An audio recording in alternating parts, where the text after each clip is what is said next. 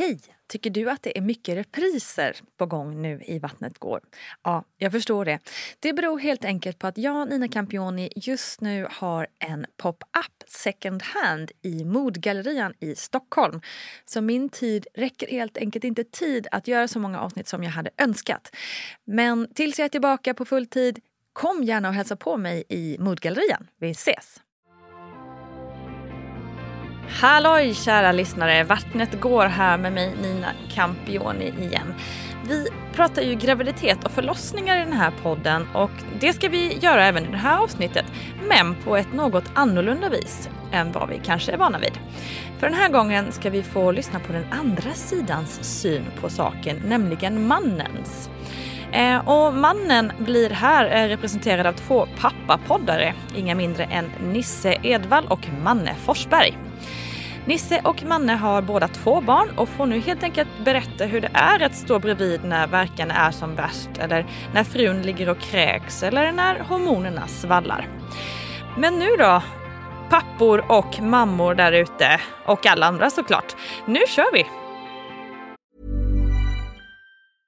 Cool fact a crocodile can't stick out its tongue. Also, you can get health insurance for a month or just under a year in some states. United Healthcare short term insurance plans, underwritten by Golden Rule Insurance Company, offer flexible, budget friendly coverage for you. Learn more at uh1.com. Quality sleep is essential for boosting energy, recovery, and well being. So, take your sleep to the next level with Sleep Number. With a Sleep Number smart bed, you can individualize your comfort level and enjoy a better sleep night after night. JD Power ranks Sleep Number number 1 in customer satisfaction with mattresses purchased in-store. And now the Queen Sleep Number C4 smart bed is only $1,599, a saving of $300 only for a limited time.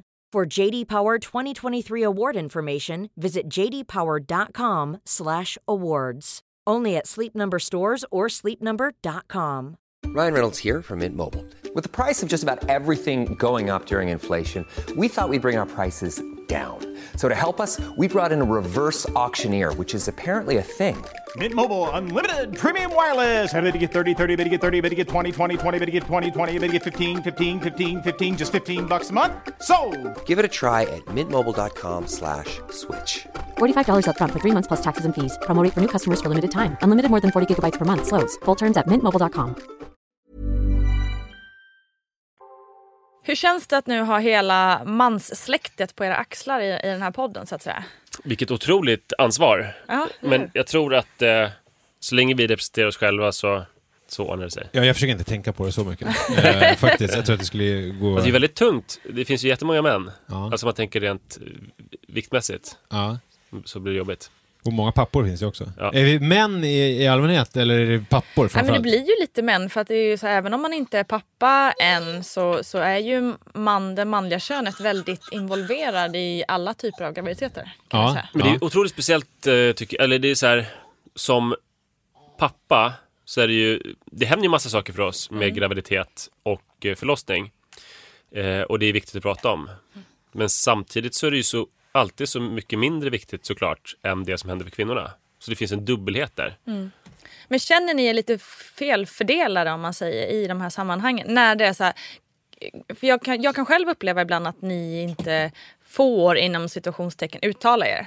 Nej, jag kan inte säga att, det- säga att jag känner mig förfördelad för att eh, det, det är ju eh, kvinnan som går igenom Mm. eh, graviditeten och jag kan inte känna, jag har väldigt svårt att eh, tänka att jag borde få ta mer plats. Mm. Eh, jag har ganska svårt för folk som, som eh, män som säger så här, eh, vi är gravida och Just sånt där. Eh, Jag kände att det var ganska mycket min frus graviditet och jag var delaktig och såklart gick igenom jättemycket grejer och försökte hjälpa henne så mycket som möjligt också. Liksom. Fast det är också en farlig inställning för jag tror att eh, män tycker ju så att det som händer för oss är inte så farligt eh, och därför pratar man inte om det för att då framstår man ju som dum i huvudet om man pratar om sina problem. Eh, men samtidigt så blir det problematiskt för att det är massa förlossningsdepressioner och sånt där som man liksom inte söker hjälp för och så hos män. Jo, men frågan om, om jag kände att jag inte hade fått prata om det tillräckligt. Så vi hade en mansgrupp, kommer jag ihåg, på, med första, mitt första barn. Så fanns det en pappagrupp eh, som träffades några gånger på BVC. Och det var jättemysigt att få sitta med andra pappor och prata. Men just om man jämför med kvinnan så, här, så kan jag inte känna att jag känner mig så här förfördelad i det sammanhanget. Liksom. Eh, Det kan jag inte göra. Jag ska också berätta att vi har ju en extra gäst i studion, Joel, ett Ja. år. Ja. Sitter Ska- här ska någonting? jättemysigt. Vi ser något. Andas äta lite i micken. Ja, bra. Ja, han är med. Härligt. Jag tycker vi, vi, vi kör väl igång helt enkelt. Manne, ska vi börja med dig? Hur planerade var era... Ni har ju två barn, eh, Ja. Iris och Rut. Hur planerade var de? Iris den äldsta, eh, hon var jätteplanerad. Det var så här, för, vi var tillsammans, hade varit tillsammans några år och först ville vi inte ha barn och sen bara, nu vill vi. Det var ju en otrolig grej att ha det här sexet som ingen i hela världen kan fördöma. Inte ens påven skulle tycka det var konstigt. Alltså jag minns att jag tänkte på det, att påven skulle kunna stå vid, vid fotändan på sängen nu när vi har sex och bara, gud vad bra ni är. Vad bra att ni. Två gör det här. upp. Ja. och det var ju ovant. Ehm, Jag tror att han skulle vara också- avundsjuk också. Eh, ja, såklart, eftersom han inte får ha det. Eh, det skulle ju vara, alltså, han skulle ju liksom applådera. Ja. Eh, och sen skulle han se lite så här bitterljuv ut. Och så här, får, jag, Får jag vara får, med? jag, får jag känna lite? Nej, det tror jag inte ändå. Han är ju liksom väldigt så här, strikt. bara. Så det, jag tror han skulle lyckas hålla sig sådär, men kanske se lite melankolisk ut så. Det känns som att den nya påven känns mer sån, som att han skulle klara det. Men att den gamla kändes ju mer luthersk och snuskgubbe. Ja, och sen som att han dolde massa Men grejer. jag tänker mig en, en tår som är både av glädje och av sorg Ja. eh, i påvens ög, öga. Eh, men, men då var det så att man hade ju skyddat sig mot, eh, hela sitt sexuellt aktiva liv så hade man ju på olika sätt skyddat sig mot graviditeter. Eh, eller glömt att skydda sig och tänkt att nu är det kört. Och då tänkte man ju att nu kommer det ske ögonblickligen. Och så blev det inte riktigt så. Eller jag tror, vi, vi trodde då att det blev en så här, ett jätte, jätte, jättetidigt missfall första gången för att det hände så lite kroppsliga saker med min fru och sådär. Och då kändes det, ju- det undersöker att det blir typ en befruktning så fort man sätter igång. Så då borde det komma väldigt snart. Men eh, så dröjde det väl, ja, det var inte länge, fast det kändes länge. Det dröjde kanske tre, fyra månader. Och sen blev det missfall. Och sen dröjde det ett halvår. Okej. Och sen blev det vårt första efterlängtade barn. Hur var det att gå igenom ett missfall eh, från din sida? Alltså det var jättejobbigt för att jag tyckte att tiden gick så otroligt långsamt.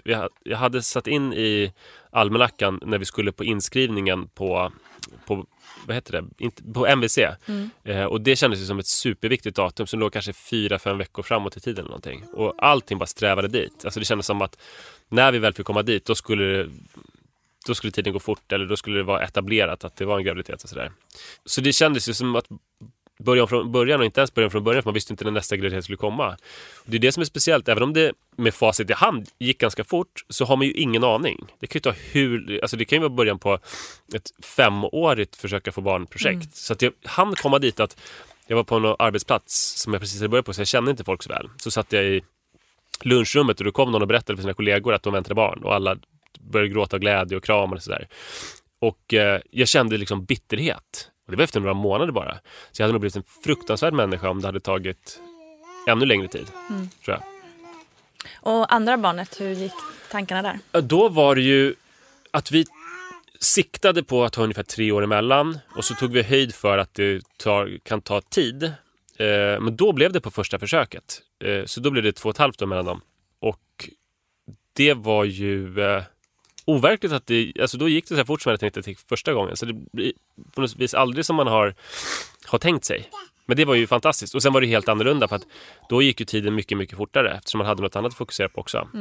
Det här, alltså för första gången, tiden gick så otroligt långsamt. Jag, jag köpte en massa tv-spel och så här, bara försökte liksom fokusera på det för att få tiden att gå fortare. Andra gången så hade jag inte problemet alls. Då gick ju tiden otroligt fort, nästan för fort. Ja, men det är många som säger det. Känner du också det Nisse? Du har ju också två barn. Ja, det- jag tyckte det gick jättemycket snabbare andra gånger för att eh, man har ju...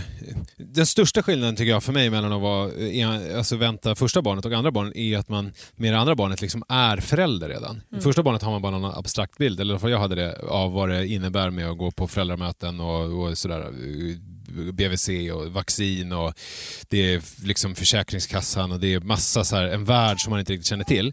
Eh, och sen så när man väl har gått igenom det med det första barnet, då är man liksom inne i det. Jag kommer ihåg eh, helgmorgnar med Manne, alltså min yngsta, när man gick upp sju så på lördagmorgon. Det kändes som att man var på besök i en annan värld. Och bara, vad händer i den här världen? Och liksom, fortfarande så var det folk som hade så efterfest på balkongerna när man gick ut. Och man kände så här att man var fortfarande en av dem, men att man var på besök i den här andra världen. Nu är det tvärtom. Nu är man ju i den här världen. Alltså den som går upp sex, halv sju på lördagarna och så här, går ut och tar en promenad och går och lägger sig tio på vardagar och sådär. Alltså, För det blir så extra mycket också, för dels tvåbarnsgrejer men sen också att du var ganska mycket äldre andra gången. Du menar att jag är gammal och trött? Nej, men, men att första gången så var det ju en ung man, Ja. liksom, eller typ en ungdom, och andra gången var det ju en yngre medelåldern. Men alltså det här mannen, det får Eller? checka upp. Ja, det är ingenting jag har tänkt på själv faktiskt. okej. Tack för det. Ja, jag känner mig, där, det, mentalt så känner jag mig lika gammal, men möjligtvis är det så att jag har blivit eh, lite äldre också. Visar det helt klart. Eh, så, så, på så sätt är det jätteskillnad. Hur Och det här greppet som du gjorde nu, att du bar upp Joel med ena handen under armen, det kan du inte ha kunnat första gången. Jag kan det fortfarande inte fast jag har två barn. Jag har Nej. aldrig sett Och det. du är ändå styrkelyftare. Ja, eller det, hur? avancerat. det där är Ja. något som man, måste träna på. Vad snyggt. Tack. Du, men hur planerade var dina barn, alltså Joel och Manne? Mannen var jätteplanerad. För han föranleddes av en väldigt oplanerad graviditet eh, några år innan som avslutades med ett missfall.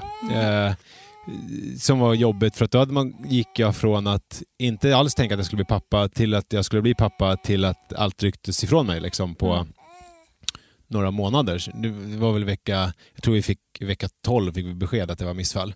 Eh, och, och sen, men sen var det så struligt, alltså som det är liksom livet. Jag menar så blev Li gravid en stund senare, alltså några månader senare. Och, och då gjorde vi abort. För att, ja alltså det känns så löjligt idag, men eh, det, vi känner inte att det funkar inte riktigt nu. Eh, det passar inte. Så att sen, Hur var det då? Jag måste bara fråga, hur kändes det att göra abort? När man... Alltså, allt det här är ju, mannen var inne på det lite grann också, att, att med facit i hand nu när man har två barn så känns ju allting eh, sånt här bara som en del i liksom ledet fram till att bli förälder. Men då var det ju inte jobbigt när vi gjorde det, för då kändes det självklart. För att det här det känns inte rätt just nu för oss. Eh, Det förra var ett misstag och sen så nu har vi tänkt om och så har vi väntat lite. Men sen när vi väl började eh, försöka skaffa barn med Manne så dröjde det ju ganska lång tid. Jag tror det dröjde ett och ett halvt år innan han blev till. Och då kändes det ju jävligt jobbigt att man hade gjort den här aborten. Alltså då, kändes, ja, men då var det ju liksom bara, vad har vi gjort? Har vi slarvat bort vår enda chans typ? Så att det var ju skitjobbigt. Och sen med andra, med Jojo, då var det ju som Manna att vi hade tänkt ungefär tre år emellan. Eh, men vi började väl ungefär eh, efter när, när Manne var tre år. Eh, alltså inte tre år emellan utan vi tänkte att det skulle vara tre år emellan befruktningarna. Eh, för vi skulle få lite tid. Men då dröjde det också lång tid. Eh, och det gick inte alls. Vi gick igenom olika såna utredningar och sånt. Eh, och så, då blev det ju ganska långt. Det är nästan sex år mellan dem. Eh, och det var inte planerat. Eh, men, men som allt sånt här, jag vet ju när man pratar med folk som vill ha barn och, och vi får ju mail från folk som vill ha barn och, och, som har fått missfall och sådär. Det är ju alltid så svårt när man väl har fått barn. Alltså för att då är allt så självklart. Då är man ju i den där världen och, och allt det här eh, liksom, som man drömde om innan och fantiserade om hur det skulle bli, blir ju någonstans verklighet och verkligheten kokas ju ner i massa så grejer som man måste göra hela tiden. Så men det är inte som att man det är inte som att jag går runt och njuter på det sättet som jag kanske egentligen borde göra med tanke på hur mäckigt det var att få barn. Men det man kanske får med sig det är att, eh, alltså jag tror de flesta tror innan man börjar försöka få barn att det är en självklarhet att få barn. Ja. Eh, Och till och med Absolut. självklarhet att få barn när man sätter igång. Fast det är någonting som man vet nu att det absolut inte är så. Nej. Men det här med utredningar och sånt, hur, hur, hur kändes det? Var det jobbigt eller hur? Ja, det var, alltså min mamma är gynekolog och hon, när vi hade försökt i ett och ett halvt år och det inte hade blivit någonting så tyckte hon att det kunde vara på sin plats att genomgå lite sådana undersöka spermier och ägg och äh, äggstockar och liksom hålla på. Så då gjorde vi det. Men allt var ju, allt var ju perfekt. Alltså det var inga konstigheter med någonting. Och då var det som att när vi hade fått det beskedet så var det okej men nu skiter vi i det här och så bara lever vi våra liv och så får vi se vad som händer.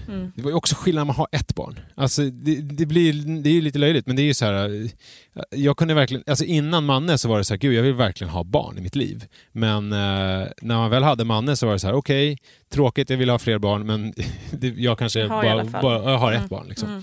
Eh, så det var lite annorlunda och lite mindre kravfyllt. Mm. Och då kom eh, Jojo några månader senare. Men blir det också då så när ni så att säga blivit eh, friskförklarade typ eh, att de bara säger ja men allting ser bra ut och bara åk hem och fortsätta ha sex eller men vad är liksom nej, men rådet? då är det ju, eh, alltså, ifall det är problem så kan man ju få hjälp alltså, Mm. av landstinget och annat och liksom subventionerad hjälp. Jag menar nu var det ju mer så här, ja alltså det är inga problem med det men det är klart att vi kan gå vidare med Okej. IVA och sånt där men då får man ju punga ut Just själv. det. Och Ja, då just det. liksom, Mm. var inte det så intressant.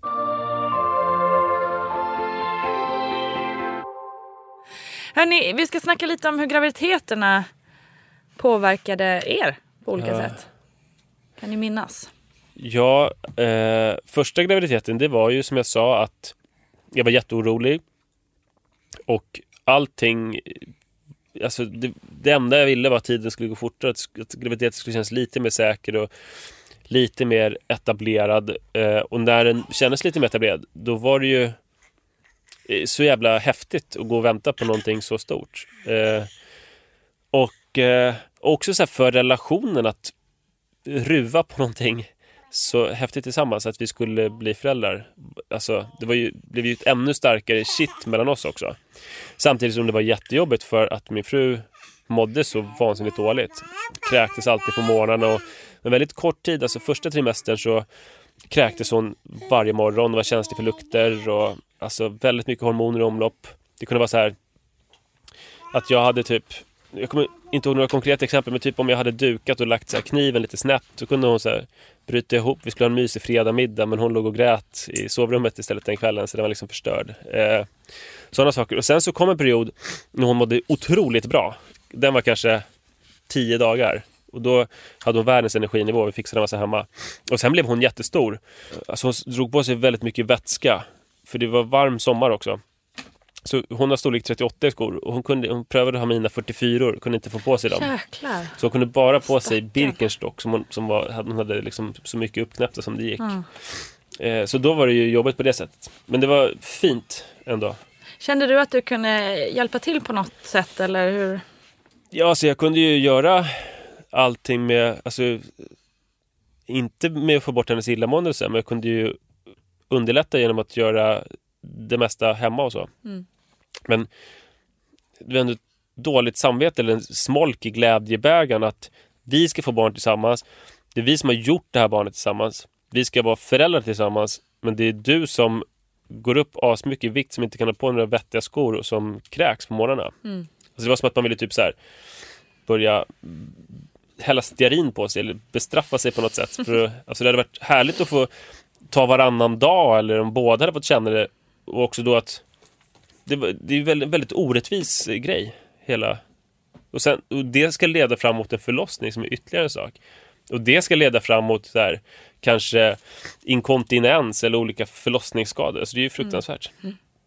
Man blir aldrig riktigt kvitt den skulden. Ja, nej, precis. Ja, kan tänka. Med min första graviditet, eh, min första graviditet, Lis första graviditet, så, eh, den, med Manne, då, alltså den var, då var jag väldigt sådär, eh, gick in väldigt mycket i att lära mig så mycket som möjligt. Och jag kommer ihåg att vi var på föreläsningar i BVCs regi. Eh, det var liksom om, vad var det nu, om eh, graviditet och förlossning, om det var med amning, jag kommer inte riktigt ihåg nu. Men jag gjorde i alla fall ett kompendium, kommer jag ihåg, för jag gjorde anteckningar, sen så liksom gjorde jag som ett fint kompendium som jag gav till Li och som jag hade själv och bläddrade i. Och så var jag väldigt engagerad i olika sådana handböcker. Nu fanns ju dessvärre inte Man kan, då. man kan antingen se det som att gud vilken gullig och engagerad man. Eller så kan man se det som sluta mansplaina. Ja, för, för Li Ja, exakt. Men jag kan säga jag mansplainade exakt vad hon gick igenom hela tiden. Ja. Eh, men sen var det liksom, eh, när, när den första trimestern hade gått, när man kom in i den här mellanperioden, alltså, då var det som att det blev allt så himla abstrakt och det liksom, helt plötsligt så bara, hade man gått igenom den här första chocken och jag hade gjort de här kompendierna, jag hade läst på allting. Jag, nu, nu visste jag liksom allting som fanns att veta tyckte jag själv och sådär. Så att då, då kunde jag komma ihåg att jag, att det var så fascinerande att det kunde gå liksom någon dag eller två utan att jag tänkte på att Li var gravid. Och det tror jag väl är en jätteskillnad mellan en man och en kvinna. Att, eh, jag tror det var väldigt svårt för Li att glömma bort att hon var gravid. Eh, eh, f- liksom med tanke på magen och med foglossningar och fötter som svullar upp och allting. Och, och, och sen så sista tiden när det liksom blev väldigt tungt, då var det mycket att bara finnas till hands hemma och liksom hjälpa till så mycket som möjligt när hon blev mer och mer orörlig så att säga. Sen andra graviditeten, den blir på något helt annat sätt. Då är det mer då är det så mycket annat som ska skötas hela tiden som ska bara göras. Och eh, jag tror att det blev ju klart tuffare för Li för att då hade jag ju, alltså första graviditeten kunde jag ju lägga fokus på att liksom göra det lätt för henne och liksom fixa hemma och sådär. Nu blev det ju mer att jag fick eh, engagera mig lite mer i Manne och fokusera på äldsta barnet. Eh, kanske inte så mycket göra det mysigt för henne, hon fick klara sig själv lite grann.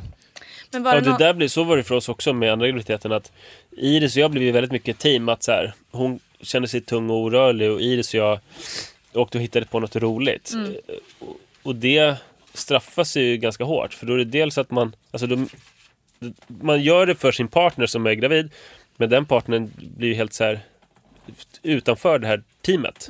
Eh, så det är inte så roligt heller. När vi kom Nej. tillbaka hade haft världens dag på typ Djurgården och hon hade legat och kräkts eller något. Var ni sådana som ni pratade med magarna och Nej, där? jag trodde jag skulle bli det för att det, alltså, det var min bild av, jag tror jag såg någon film när jag var typ så här 14. Eh, jag längtade jättemycket efter barn när jag var tonåring och då tänkte jag mig alltid att jag skulle vara hippie eh, och eh, sen skulle vi vara typ barfota och ha utsvängda jeans eh, som var högt skurna Måla på magen? och så skulle jag måla på magen med läppstift. Men eh, det blev inte så. Det, det kanske känns för fånigt att göra det. Ja, men det är svårt, alltså, det, det är väl som alla sådana här film... Hoppla, slog vi näsan lite. Ja, eh, jo, det Nisse skulle säga är att som alla filmgrejer så känns det lite sökt om man ska försöka i, göra det. Eh, filmiska saker. Du kunde verkligen ta över där vad Nisse skulle säga. Ja, men det var, det var det jag skulle säga. Eller? Och att det också... Eh, det är klart att jag kunde ligga och eh, lyssna på magen och så här, undra lite grann vem det är där inne. Men jag tycker ofta att sådana stunder känns liksom lite sökta och krystade. Liksom. Det blir inte så... Det är härligt att höra med det där. Alltså det är ju många kvinnor som lyssnar på pappapodden under graviditeten och som berättar för oss att eh, deras barn sen när de kommer ut blir väldigt lugna av våra röster. För att, Ja, det är eh, coolt. ja. Så det känns härligt att få vara lugnande för massa främmande barn. Ja. Så vi pratar med magar fast på ett mer abstrakt sätt. Exakt. Och mer nu. Att det var många magar. Ja.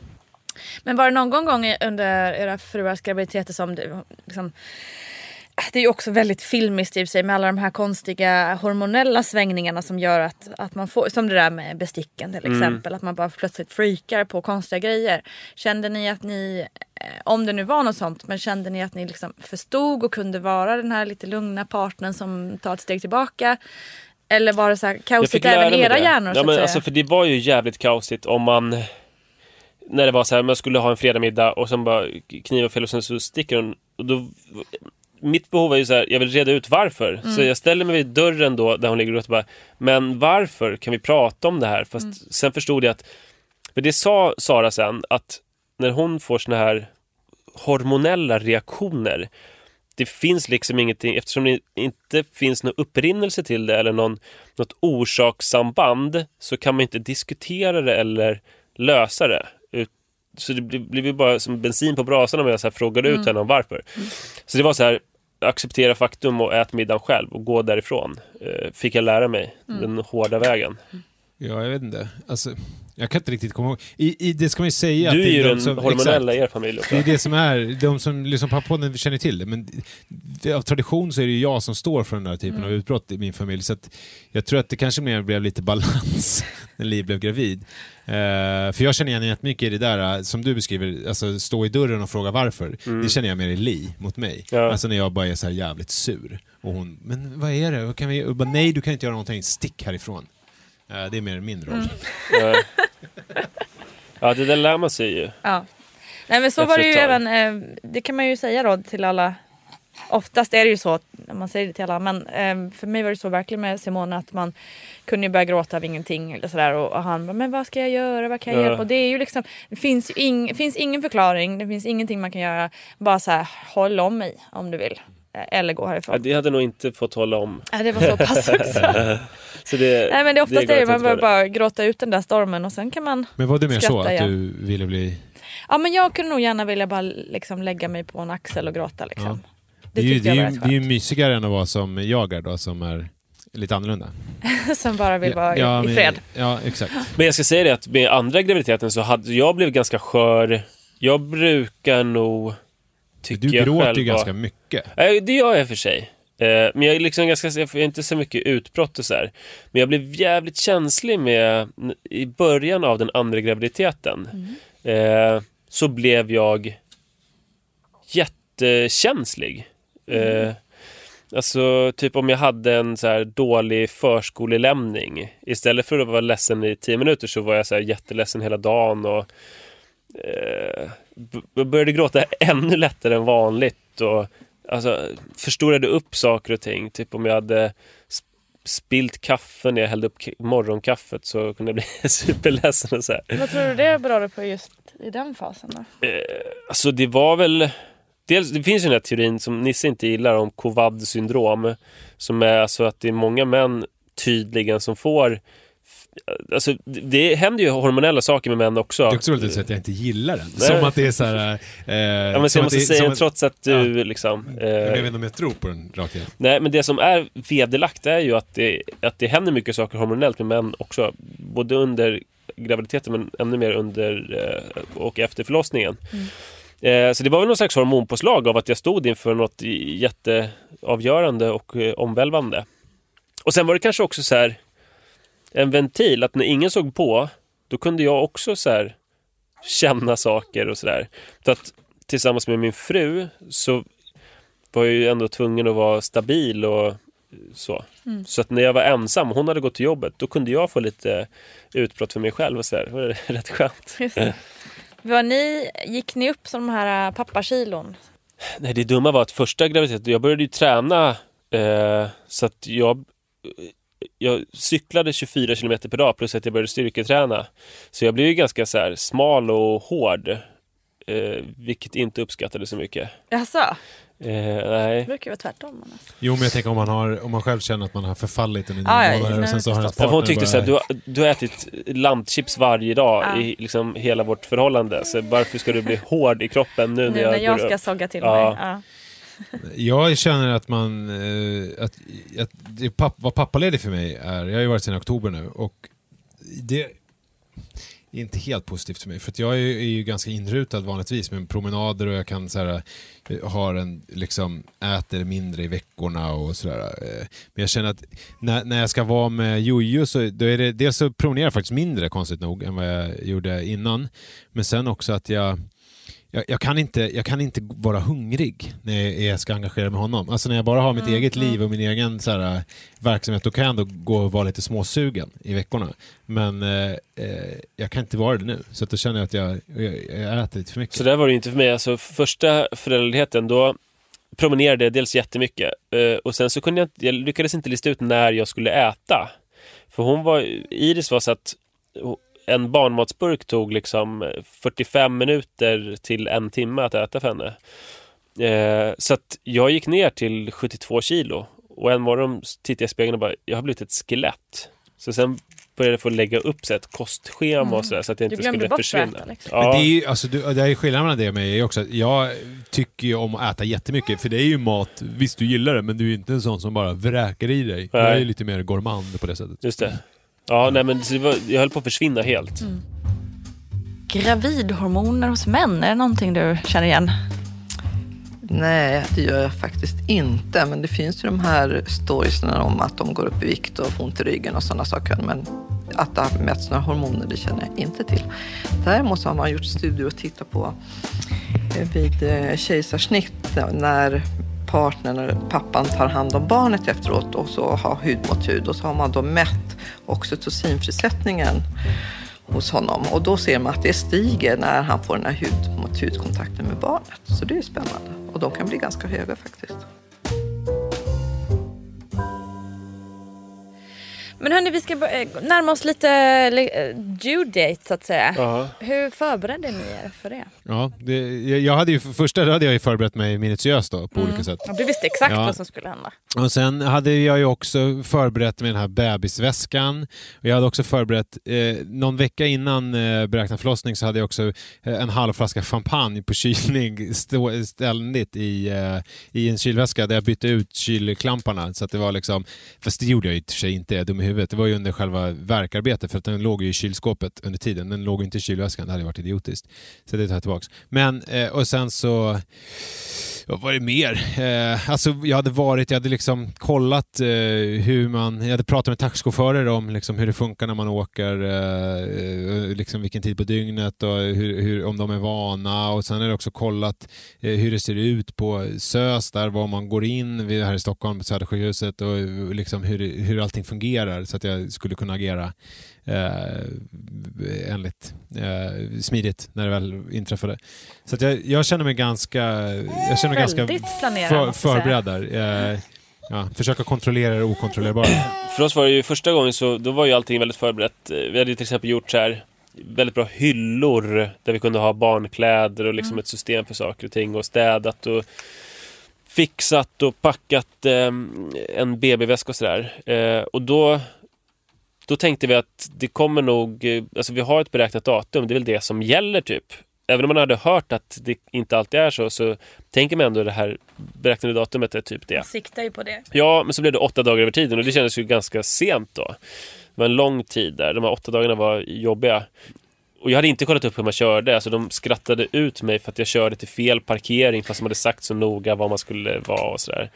Andra gången, då hade vi lärt oss av vår läxa att det går över tiden. Så att eh, vi hade liksom inte förberett någonting överhuvudtaget. Eh, jag tror vi hade en vagn liksom, som skulle passa för båda. Men eh, i övrigt så var det så här, snart måste vi ta upp bebiskläderna och sådär. Man hade inte riktigt eh, hunnit med det. Och så kom hon två veckor tidigt. Och det kändes ju då som, eftersom vi räknade med att det skulle gå över, så kändes det som så här, tre veckor tidigt ju. Det var rätt jobbigt för att det var helt oförberett. Det var lite kaosigt hemma. Eh, det blev en jätteutdragen förlossning som blev akutsnitt. Sen när vi kom hem så, allra första natten hemma, så kräktes min äldsta dotter. Och så bara, pappa, får jag visa för bebisen att jag har kräkts? Jag bara, nej, gör inte det. Eh, sen nästa morgon så vaknade jag med halsfluss. Eh, och över 39 graders feber som jag aldrig har. Och eh, jag började gråta då för att jag visste så här, hur jobbigt det skulle vara eftersom jag skulle behöva ta allting. För att eh, min fru var ju snittad så hon liksom, kunde inte riktigt röra sig ur sängen. Och sen fick hon mjölkstockning, jättehög feber och eh, en sån här bröstböld också. Eh, så att eh, det var fruktansvärt jobbigt var det. Alla var sjuka. Alltså, och den där äh, erfarenheten som Manne gjorde då, den gjorde jag också. För att jag var ju efter Manne med andra barnet, så att när, när, det, när Jojo eh, började närma sig beräknad förlossning så var jag förberedd på det värsta och det var ju tack vare hur jävligt du hade haft det Ja. eh, under andra. Så att vi, jag var ju förberedd två veckor innan nu så är vi klara med allting. För att jo, Manne gick också över tio dagar så jag hade väl någon sån eh, inställning från början. Men sen så var det så här, jäklar, de kan ju komma för tidigt. Så vi var ju färdiga och jag var förberedd på det värsta, att allt skulle vara vidrigt och så här. Och som alltid tycker jag, när man förbereder sig på det värsta så blir det ju bättre. Så att jag tycker att första Fast det tiden... är också att, att ingenting blir ju vid... Alltså det, allting går ju bra. Dina barn sover ganska bra på nätterna och de är lugna bebisar och så här. Du vet att du har jävla flax hela tiden bara. Att jag inte har det, tror jag. Antagligen Ingen är så. bitter. Nej, inte ett hugg. Vi kan väl börja gå på första förlossningen helt enkelt. Ska du börja Manne Ja. med, med ett första barn? Vad, hur började det så att säga? Ja, det var nästan ett eh, bibliskt skyfall ute. 15 september. Och sen eh, precis när jag hade somnat så sa Sara att hon trodde det var på gång. Och eh, det som var så jävla konstigt och som jag så här jag kan inte fatta hur jag kunde vara en sån konstig människa. Men jag hade ju längtat så mycket efter det här. Men när hon sa det så var det så här. Ja, Jag kände så här, ja, vad jobbigt. eh, vad jobbigt kände jag mest.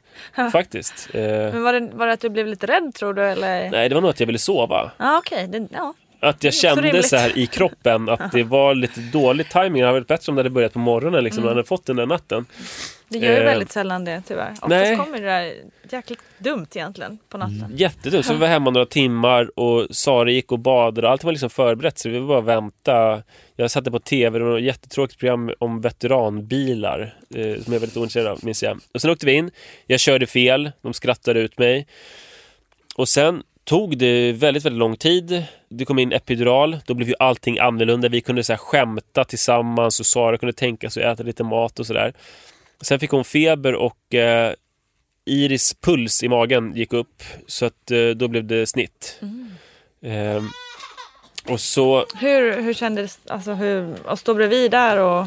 alltså det var ju, jag var inte orolig eller sådär. Eh, för att alla var så lugna och samlade. Det var så otroligt team. Det var jättemånga människor som arbetade så bra tillsammans. De kände så proffsiga. Och sen var det, är ju enda sortens förlossning jag varit med om. Alltså förlossning som blir ett eh, akutsnitt, så var det båda gångerna. Man har liksom det där skynket framför sig och det är nästan som ett så här trolleritrick. Och eh, jag så här grät på massa olika sätt. Först så här småsnyftade av, av förväntan och sen så när man hör bakom skynket barnets skrik och bara ah, det är så här, den här lättnaden eh, som gör att man börjar gråta jättemycket så får man hålla i sitt barn. Det var mäktigt. Sen var det väldigt jobbigt för att eh, man brukar säga att barn så här kanske vaknar en timme och försöker amma och sen sover de ett dygn. Iris var vaken, eh, jag tror hon var vaken 17 timmar efter förlossningen. Eh, och bara skrek och ville jättegärna käka men lyckades inte. Eh, så att, eh, Fick ni någon hjälp då eller? Hur? Fan, vad, det låter ju väldigt mörkt, alla mina upplevelser. Alltså det har blivit jättebra sen. Eh, Ja, vi fick hjälp då efter 17 timmar så tog de henne så vi fick sova några timmar. Och då hade de inte velat ge någon, någon mjölkersättning för de tyckte inte de skulle göra det. Men så fort de tog henne så bara, nu ska hon ha mjölkersättning för vi orkar inte typ. Och då somnade hon. Ja det är klart, hon var jättehungrig då ju. Ja, så, hon var ja. väldigt hungrig. Men sen så var det ju jättefina första veckor. Alltså Men hur var, var det, ju... hur var din första, kan du bara så gå tillbaka och känna och få henne i dina armar första gången? Vad tänkte du? Kommer du ihåg det? Är det så här de ser ut? alltså det var bara en jättestark lycka. Men sen kan man ju inte säga... Det är inte så här, nu är allting färdigt, nu är jag förälder, nu är jag den pappa jag kommer vara. För sen är det så här, alltså det är ju jättehäftigt. Då var det mest så här lättnad och härligt att stilla sin nyfikenhet och se hur hon såg ut. Men sen så börjar man ju bygga relation. För sen när jag stod och vaggade henne i mina armar och hon grät i 17 timmar, då var det så här att det var så konstigt. Hon låg i magen nyss och då skötte hon, då klarade hon sig helt Då var själv. hur lugn som Ja, helst. och nu, nu är det så här och liksom, vi har inte någon relation riktigt. Så det var ju nästan overkligt. Sen så bygger man relation och sen så växer ju kärleken. En del tror jag tänker sig att all den kärlek som man har till sitt barn, den ska finnas där från början. Eh, Det tror jag också väldigt inte, så är det ju många inte. tror. Mm. Ja. Det trodde jag. Ja. Det var ju absolut inte så. Ja, jag tror att eh, jag, det, känd, det som var bra var att jag kände att det var okej, att det var tillräckligt att jag var så glad. Sen kan man ju känna så här att man inte är glad och då är det klart att det är jobbigare. Men man kan ju känna på alla möjliga olika sätt när man får sitt barn i armarna som inte är fel ändå. Mm. Men jag tänker också på det här i och med att din fru då blev snittad och då var ju du lite själv med eh, dina barn I, de inte första första timmarna eller? gången. Andra gången så var jag ensam med Rut typ fyra timmar för då var det lite mer dramatiskt och hon behövde sövas efteråt och Mm. sådär. Eh, men första gången så då var det bara att vi gick iväg och jag satte på henne en blöja men sen så var vi tillsammans Ah, okej. på uppvaket allihop. Ska vi köra, prata lite om Manne? Ja, det kan vi göra. Det blev, eh, började vid nio på kvällen. Vi kollade på nyheterna och så var det en eh, sån här klassisk vattenavgång. Att det började... Alltså Lil, jag kommer ihåg hon bara hoppade upp i soffan och så bara... "Åh!" Jag kommer ihåg det där vrålet. Det var "Åh!" Och så var det, började det droppa helt enkelt. Det var inte en sån här störtflod, men det droppade liksom. Och då ringde vi till, eller jag ringde till SÖS och de sa att vi skulle komma in, för då ska man ju komma in då när vattnet har gått, för då måste de ju se till att allt ser bra ut och sen så ska ju barnet vara ute inom 48 timmar eller vad det är. Eh, För att det är ju öppet då liksom. Eh, Infektionsrisk och annat. Så då åkte vi in, men då hade det inte kommit några verkare eller någonting och då tog vi taxi. Och sen så kom vi in och så blev vi lagda Eh, jag, eh, Liv blev lagd på någon brits där och blev undersökt. De, det var ju första gången man fick se de här eh, alla olika bälten som de spänner på det där, som mäter det trycket på alltså verkarna och som eh, hjärtat på bebisen och sådär. Så det var ju spännande att se allt det. Men då hade hon inte fått någon verkar så att de undersökte allting och bara, men det här ser bra ut, åk hem och sov och sen så hör av er om det kommer igång. Så då eh, gick vi hem och Li är den som hittar i vår nation. Jag har fruktansvärt dåligt lokalsinne. Så att vi gick ner i katakomberna under Södersjukhuset. På något jävla vänster hamnade vi där och liksom gick långa korridorer under marken och jag kände mig ganska dålig eftersom jag inte kunde hjälpa Li. Och då hade verkarna börjat komma igång och hon fick liksom ganska kraftiga verkar. Och så blev hon fruktansvärt bajsnödig mitt i liksom, uh, under ingenting där vid SÖS. Uh, och vi lyckades hitta en toalett och sen till slut så lyckades vi komma hem. Och då när vi väl var hemma så hade de ju sagt att, uh, att Li skulle försöka sova, att vi skulle vila och sådär. Och vi hade inte käkat någon middag den dagen heller. Vi hade liksom somnat Eh, jag hade ute och fikat på eftermiddagen sent och sen så somnat utan middag. Det var liksom dåligt så att jag började koka makaroner och, och så här, steka köttbullar bara för att vi måste få i oss mat. Mm och typ matade henne så här, och hon kräktes. Jag kommer verkligen ihåg det. det var så, du måste äta lite energi. Samtidigt som jag också, jag hade väldigt många uppgifter. Jag kände att det var väldigt mycket jag tog på mig där. Så då var det också, det kommer jag ihåg tydligt att jag bytte ut, vid ett tillfälle så bytte jag ut de här kylklamparna i den där eh, kylväskan som jag pratade om tidigare med det här halvchampagnen. För jag tänkte att de måste ju hålla sig ett tag till. Och sen eh, någon gång på morgonkvisten så var det väl, nu kommer jag inte ihåg alla sådana minuttal, men man hade någon sån här verk, eh, mätte tid, att det, så här, ja, men nu börjar det bli dags att ringa in. Och då ringde jag in och då hörde jag på dem att de inte hade några platser där på SÖS. Mm. Så att det så här, men jag hörde att hon skulle, vill inte oroa mig utan liksom så här, jag återkommer snart och ta det lugnt nu och prova att duscha hennes ryggslut och massera lite och sådär. Men så ringde han och ringde hon igen och då hade de plats. Så då satte jag oss i en taxi och åkte in. Och då fick men hur liksom... kändes det när det bara så här, att det inte fanns någon plats? Blev, blev du nervös? Nej, alltså jag tror också återigen så här, där tror jag faktiskt, eftersom min morsa är gynekolog så vet jag att så här, det löser sig ju. Man hamnar någon annanstans på ett annat sjukhus och folk är kompetenta och duktiga. Liksom. Så det mm. kändes inte så här, det kändes inte panik. Det, vi hade ju inte liksom någon speciell barnmorska som vi ville ha eller varit på mm. något sånt. Utan det kändes, ett, det kändes faktiskt rätt lugnt. Eh, men det jobbiga är ju om det är så här, man hör så skräckhistorier om folk som får åka till Nyköping och sådär. När det liksom tar ganska lång tid. Och det, det skulle ju varit jobbigt. Cool fact a crocodile can't stick out its tongue. Also, you can get health insurance for a month or just under a year in some states. United Healthcare short term insurance plans, underwritten by Golden Rule Insurance Company, offer flexible, budget friendly coverage for you. Learn more at uh1.com. Hey everyone, I've been on the go recently Phoenix, Kansas City, Chicago. If you're like me and have a home but aren't always at home, you have an Airbnb. Hosting your home or a spare room is a very practical side hustle. If you live in a big game town, you can Airbnb your place for fans to stay in. Your home might be worth more than you think. Find out how much at airbnb.com/slash host.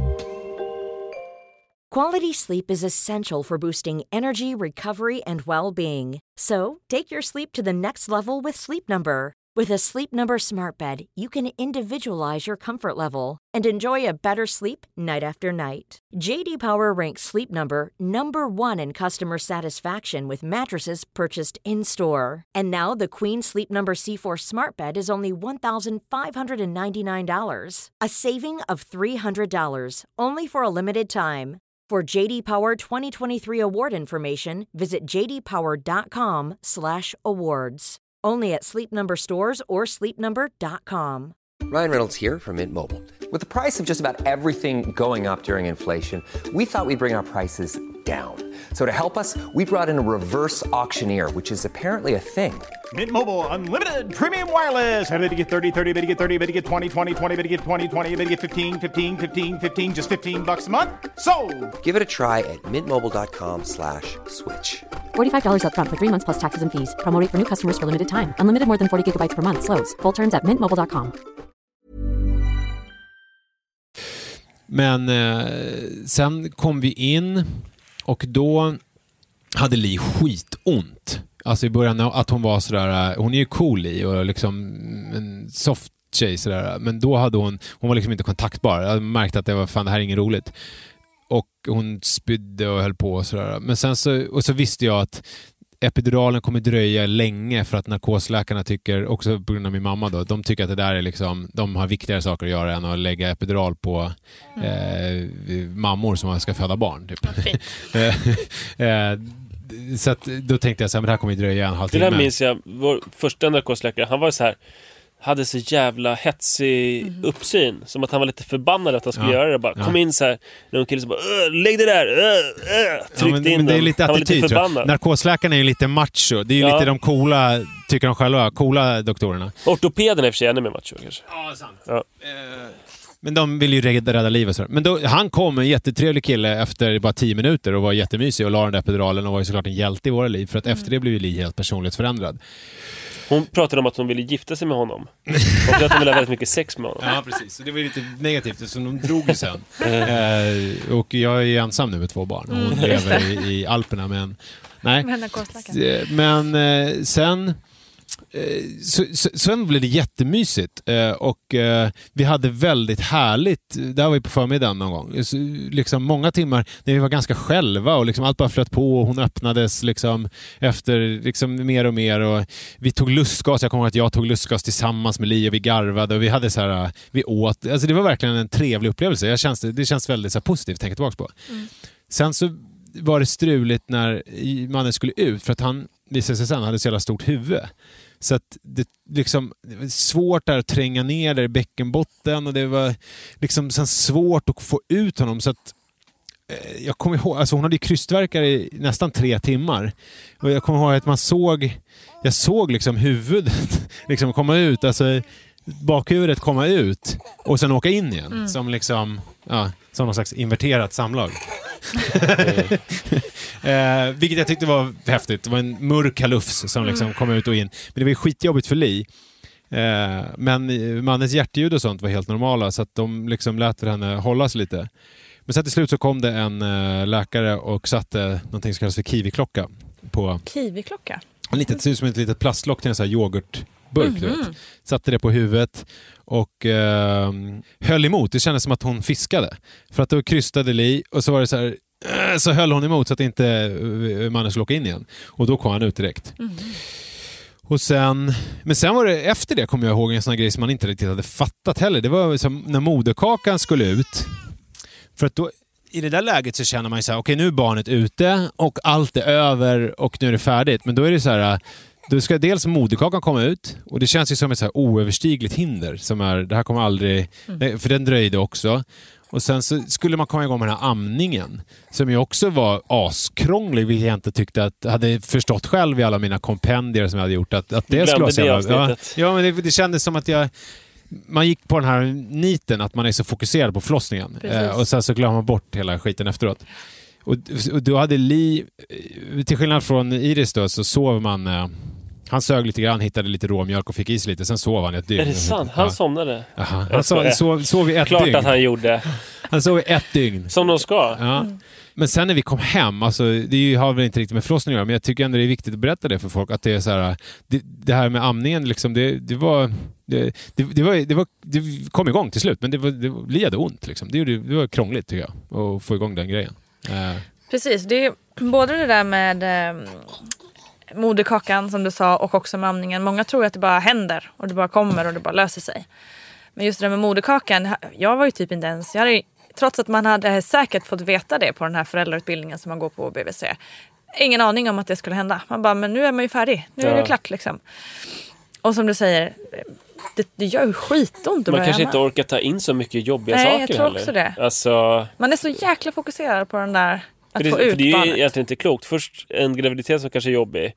Sen ska man vara med om en förlossning som kan vara hur jobbig som helst. Mm. Och sen ska man ha ut moderkakan och sen ska man kanske sys och sådär. Eh, Det kommer en liknelse som jag vet att alla kommer garva åt. Men det är som när man spelar in tv-program.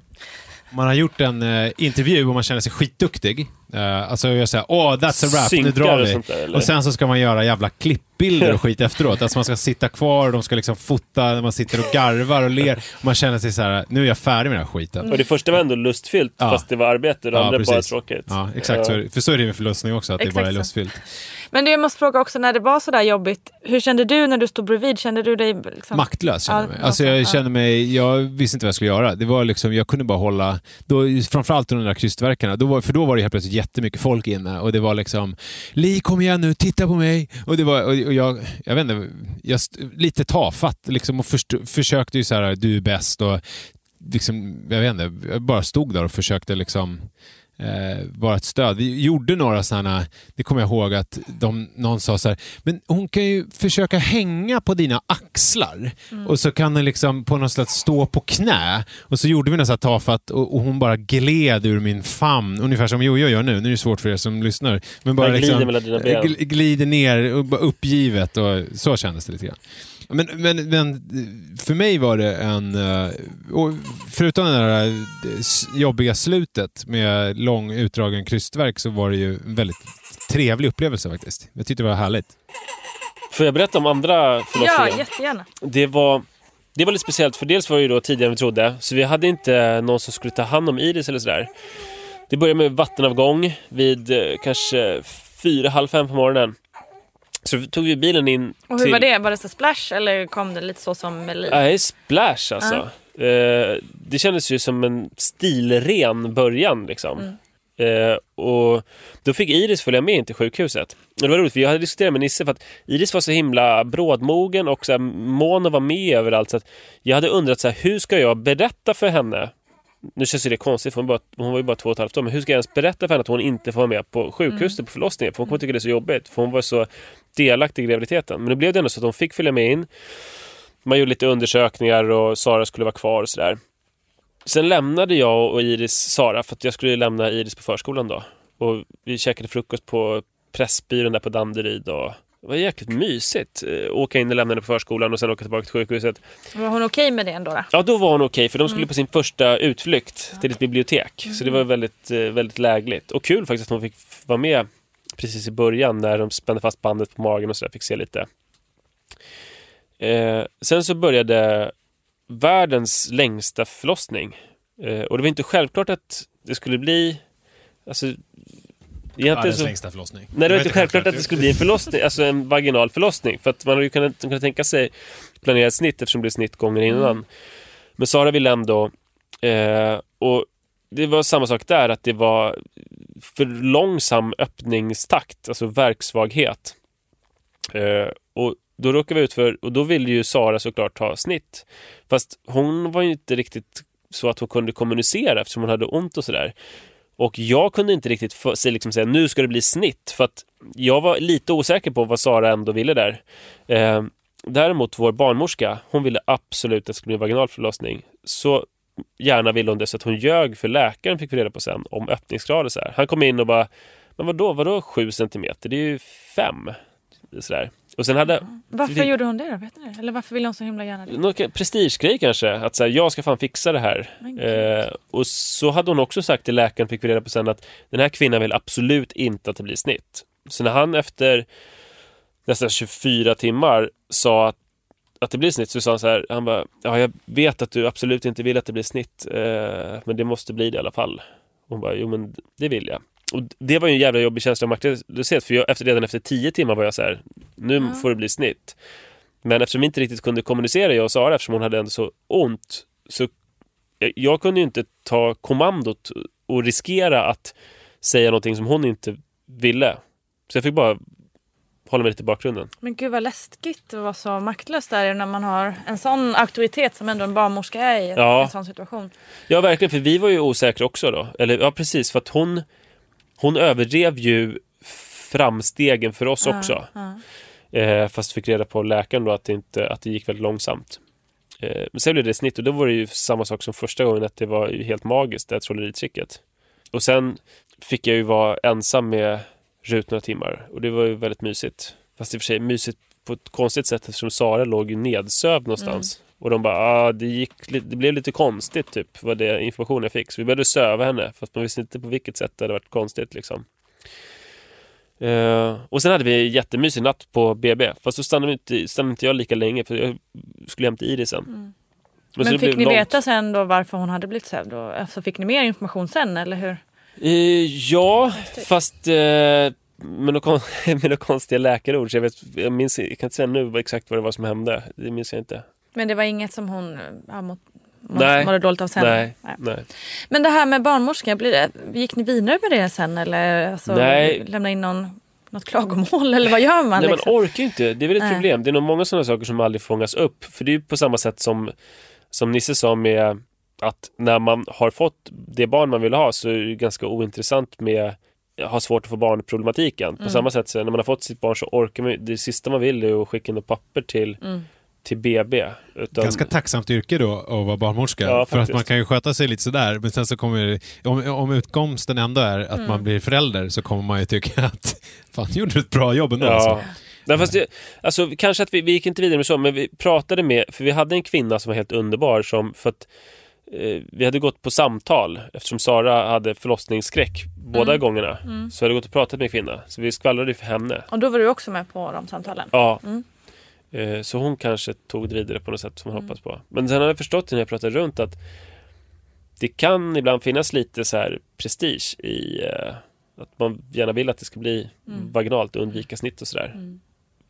Ehm, och det var jättejobbigt att råka ut för det. För att det där borde man kunna se så himla många timmar tidigare och det hade blivit så mycket Ja, bättre. men det låter ju helt vansinnigt. Det- Visst, prestige är en sak, men man kan ju, får ju inte ta det en sån Nej. nivå att man ljuger om. Nej.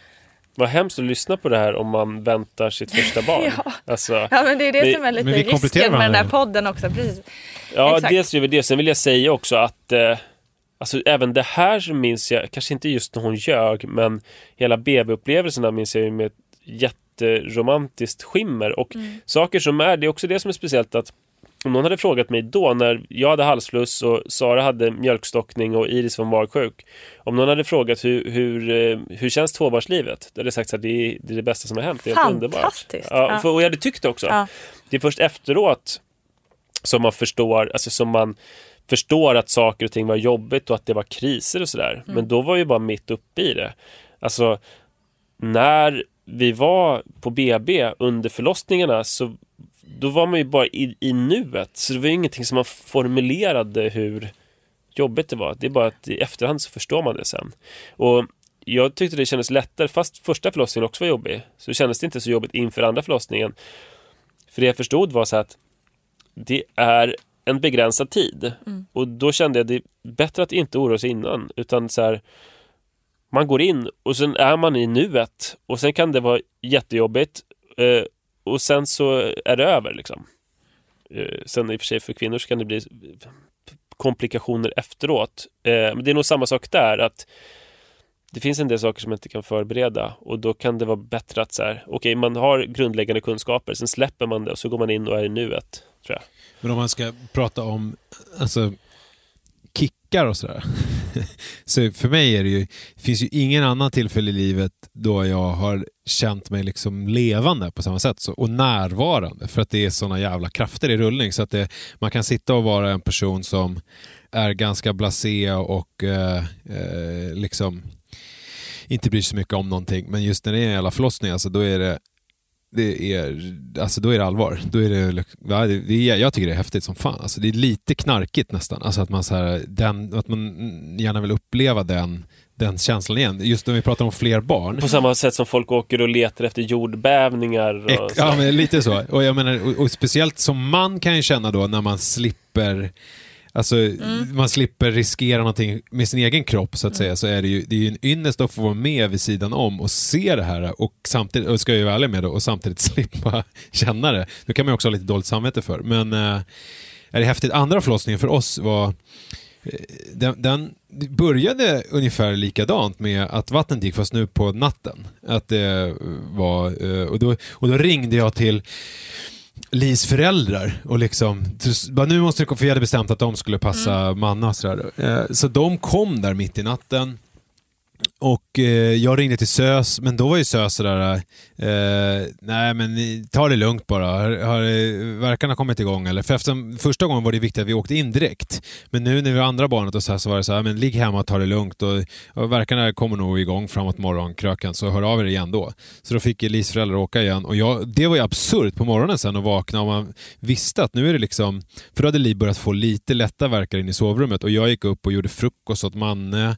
Det var en sån här, liknande dag som den här, alltså en sån här solig, varm, eh, för det var ju, det var ju ungefär nu, 28 april var det, eh, en av de här första varma dagarna. Och eh, mannen skulle också på utflykt, precis som Iris Ja. skulle. Han skulle till polismuseet och så hålla på att göra matsäck till honom och gå med honom till skolan och lämna honom. Redan där, eller till dagis eller till förskolan, redan där förstod jag ju den stora skillnaden i att vara tvåbarnsförälder och vara enbarnsförälder. För nu var det liksom, den där förlossningen, det var någonting som pågick samtidigt som mitt liv fortsatte. För att jag var i skolan, eller förskolan och pratade med Mannes eh, pedagoger och sa ja, verkarna har dragit igång där hemma så vi åker in nu så att det är mormor och morfar som hämtar i eftermiddag. Det var liksom absurt på något vis. Och sen åkte Just det där, förlåt, att bara veta att idag Ja. är snart, snart blir vi två. fyra liksom. Ja. Så konstigt Ja, det är en egentligen. jättekonstig känsla. Sen åkte vi in och då började det ganska mycket som eh, första förlossningen också. Och, och för mig också, att det var samma känsla att Li hade jäkligt ont och hon fick snabbt den epiduralen. Det dröjde inte. Det var en trevlig epiduralperson den här gången också. Hon blev inte kär. Nej, hon, blev vill inte kär den här honom. gången. Eh, men sen skilde den sig åt ganska mycket från mannens förlossning för att eh, Jojos, eh, eller han som sen blev Jojo när han kom ut, alltså, hans hjärtljud gick ner ganska mycket under förlossningen. Det var, så det var en helt annat pådrag med liksom läkare och det var barnmorskor som var inne i rummet nästan hela tiden. För med Manne så minns jag den här långa perioden på flera timmar när vi var ganska själva och när det kom in någon barnmorska då och då och frågade hur läget var och sådär. Men att man mest satt och hängde och jag satt och läste lite och klappade på Li och så. Och nu var det verk och då liksom fick man hjälpa till. Nu var det liksom puls hela tiden. Det var, eh, fanns ingen chans att landa riktigt i det. Och han kom ut sen på eh, eftermiddagen, då blev det ganska dramatiskt då i själva, eh, för att då hade han eh, hal, ha- vad heter det, halspulsådern, vad heter det, navelsträngen, två varv runt halsen. Så det är därför hjärtljuden hade varit dåliga. Så då blev det liksom lite hålla på drama med det där och förlösa ut det och, konst, efter konstnärliga regler. Och sen var det återigen den här moderkaksgrejen. För den tog ju lite en stund med Manne, men nu kom den inte alls. Och de försökte, det var ju vidrigt också för Alltså återigen, för er som lyssnar som inte varit med om det här, det är härligt alltså på många sätt, men det är ju saker som är, alltså, som är tuffa liksom, och som är jobbiga. Och då var det också det här med moderkakan och de höll på eh, för det sista jag kan tänka mig man vill som kvinna i det läget är väl att någon ska liksom ner och rota mellan benen. Alltså att man säger, jag är färdig där nu. Liksom. Men, då, men då skulle de in och försöka få ut den där jävla moderkakan. Och stoppa Eh, in handen, Ja, stoppa in liksom. handen och bara, men vi försöker en gång, krysta nu och så här, ta lite lustgas och, oh, och så försök. Mm. Eh, Men då gick inte det. Så att då fattade de ett beslut om, för att den var lite lös och det var risk för blödningar och hit och dit. Så att då, då fick de ta bort eh, Li, eh, Ta bort Li. ta bort Li, så att moderkakan skulle överleva. Nej, men de fick söva Li och eh, ta ut den liksom när hon var... Och så då fick jag glida iväg själv med eh, eh, Joel och sitta i ett rum och det var ju absurt. Det fick ju du uppleva också med eh, Rut. Men just att sitta, helt plötsligt satt jag själv. Eh, Och det var också så här... eh, Då hade jag tagit bilen den här gången. Jag vet inte varför, så här med facit i hand. Eh, Det, jag rekommenderar ingen att ta bilen. I alla fall inte om det är som vi var i rusningstrafik på morgonen. Dels blev det broöppning på vägen in. Eh, och sen så stressande. blev det också var det skitsvårt att hitta parkeringsplats för att det var liksom precis när folk hade kommit till jobbet. Så det var ju så här, parkera om bilen, och det var jag tvungen att göra det också. Eh, Med bebis, liksom. Ja, då hade jag, så fick jag lämna, lämna över Jojo till en eh, sjuksköterska där och så här, gå ner och fixa med bilen. Liksom. Det sista man vill Men det här känns på. inte värdigt. Eh, men sen satt jag med honom där och, och då kom jag ihåg att jag fick samma känsla som jag fick med eh, Manne, just det här att man eh, för ett kort ögonblick så kan man se sig själv utifrån och se, jag, det, lite grann se, se sitt, sin släkt på något vis. Alltså jag såg liksom eh, låter ju så filmiskt på något vis, men jag såg mig själv och, så här, och på min pappas sida, det var mycket min alltså pappa, jag såg min pappa, jag såg min farfar och hans, alltså det var som att det var, det låter ju så nördigt kunga eh, tronsaktigt, men, men lite den eh, känslan fick jag. Och det, också den här känslan av när man får hålla i Joel och Manne första gången, att det är som att man faller på något vis. Att det är som att det liksom är, så upplevde jag lite grann som Alice i Underlandet, liksom faller ner bara och sen så hamnar på en annan plats. Jag vet inte om det blir som en symbol för att man nu är någon annanstans i livet, men att det liksom verkligen är så här och så bara oj, vad hände? Eh, Men sen det stora grejen med Jojo, det var ju Manne. Alltså för vi hade läst så mycket och hört så mycket om att det är viktigt att det här blir en positiv eh, upplevelse för Manne. För att det här är otroligt viktigt för honom. Det kommer han ta med sig sen. Och, så här. och han var ju då fem och ett halvt var han ju, när eh, eh Jojo föddes. Så att när, när Manne väl kom sen, eh, nu ska vi säga, han kom dagen efter blir det ju. Och, och då, då fokuserar vi bara på honom. Mm. Alltså, det var viktigt att han skulle få liksom godis och läsk och, och vi åkte iväg, jag och han, och köpte en present som han hade fått av Jojo för att vi hade sagt det, så här, när Jojo kommer kommer han ha med sig en present till dig som du ska få välja själv på leksaksaffären. Och, och, och jag kommer ihåg att vi satt det här är helt hemskt. Alltså vi satt i, jag, Li och Manne satt i det här rummet på SÖS och höll på, han hade fått en sån Nerf-pistol, ni som vet vet vad det är, som man skjuter gummipilar med, en, med ett gevär. Och höll på att sköt prick på någon legogubbe. Och så kom det in någon barnmorska och bara, eh, då hade liksom Jojo låg och hade någon sån här, lite feber för att han var törst, alltså han hade fått någon sån här törstfeber, jag vet inte vad det heter. Alltså, han var helt negligerad, han låg och var helt röd och typ sov eh, och eh, hade feber för att det var ingen som hade gett honom någonting att dricka och vi satt och höll på och sköt med den här Nerf-pistolen. Nej, ja. Alltså det kanske gick lite åt överkant att vi fokuserade för mycket på Jojo, så, eh, eller på Manne. Så sen drog jag och Manne hem. Efter att faktiskt Manne fick sova över en natt. Vi sov, Det var någon slags hotellliknande rum där på SÖS, så jättetrevligt. Och vi sov en natt och så. Och sen, ja, det var nog bra att Li fick vara lite själv där och fokusera lite. Men jag tänkte på den när den Li var nedsövd där, i och med att du också var med om den upplevelsen. Kände du att du fick okej okay information? Eller var den jobbig? Liksom, fattade du vad som hände? Och... Eh, eh, det var ju längre tid än vad jag trodde. Jag, visste, jag fattade aldrig riktigt hur länge de skulle vara borta. Eh, så att, men samtidigt är det så här, det, var, det var ju som att tiden liksom inte riktigt fanns. Jag vet inte hur du upplevde det, men det, jag satt ju där med eh, Joel i famnen och bara... Alltså, all liksom, adrenalinet rann ur kroppen, det var liksom massa känslor kom och så fokuserade jag på honom. Mm. Eh, och, och, så, eh, jättemycket. Eh, och kollade på honom. Och, så jag, jag, upplevde inte det som en... Det var inget jobbigt. Men de visste väl inte heller alltså hur lång tid det skulle ta. Tänker jag. Så Nej. tänker jag ofta. Informerar de inte, då vet de ju inte. Mm. Eller? Ja, eller så är de rädda för att lämna information som är för jobbig. Kan man så kan det också vara. Mm. pessimistiskt lagd. Mm. Nej, men jag minns väl det som att jag undrade när hon skulle vakna. Fast eh, jag var inte orolig. Jag är nog lite för lite orolig generellt kanske. Mm. För att det finns ju ibland anledning. Men jag, jag, jag njöt av den där, de där timmarna. Men en skillnad var ju, det var ju eh, när från första förlossningen var ju Li ganska pigg liksom efteråt. Alltså, som kvinna tänker jag att man går igång. Liksom, att Mm. man får något, eh, ofta när man ser bilder på nyförlösta kvinnor så ser de rosiga och ganska pigga ut. Alltså, det, är, det är massa grejer som händer i kroppen antar jag. Mm. Eh, men den här gången var det inte så, för då vaknade hon liksom med någon slags eh, eh, här narkos och var ju rätt groggy och liksom trött och sliten. Så det var liksom inte alls samma mysstämning sen när vi kom till, väl till rummet där vi skulle vara. Utan det var liksom, och, då, och sen var det också mäckigt för att då hade ju inte Jojo fått den här råmjölken för att då hade han ju varit med mig och sugit mitt finger istället. Så han somnade ju Eh, han har sovit dygn, precis som eh, Manne, men han hade inte fått i sig någon råmjölk innan då. Så att då var det liksom lite sen mäckigt, ännu mäckigare att få igång honom med amning och sådär. med- För han hade inte liksom kommit igång med sugeriet. Och vi kommer ihåg vi satt med de jävla skedarna och Li höll på och pumpade för att få igång...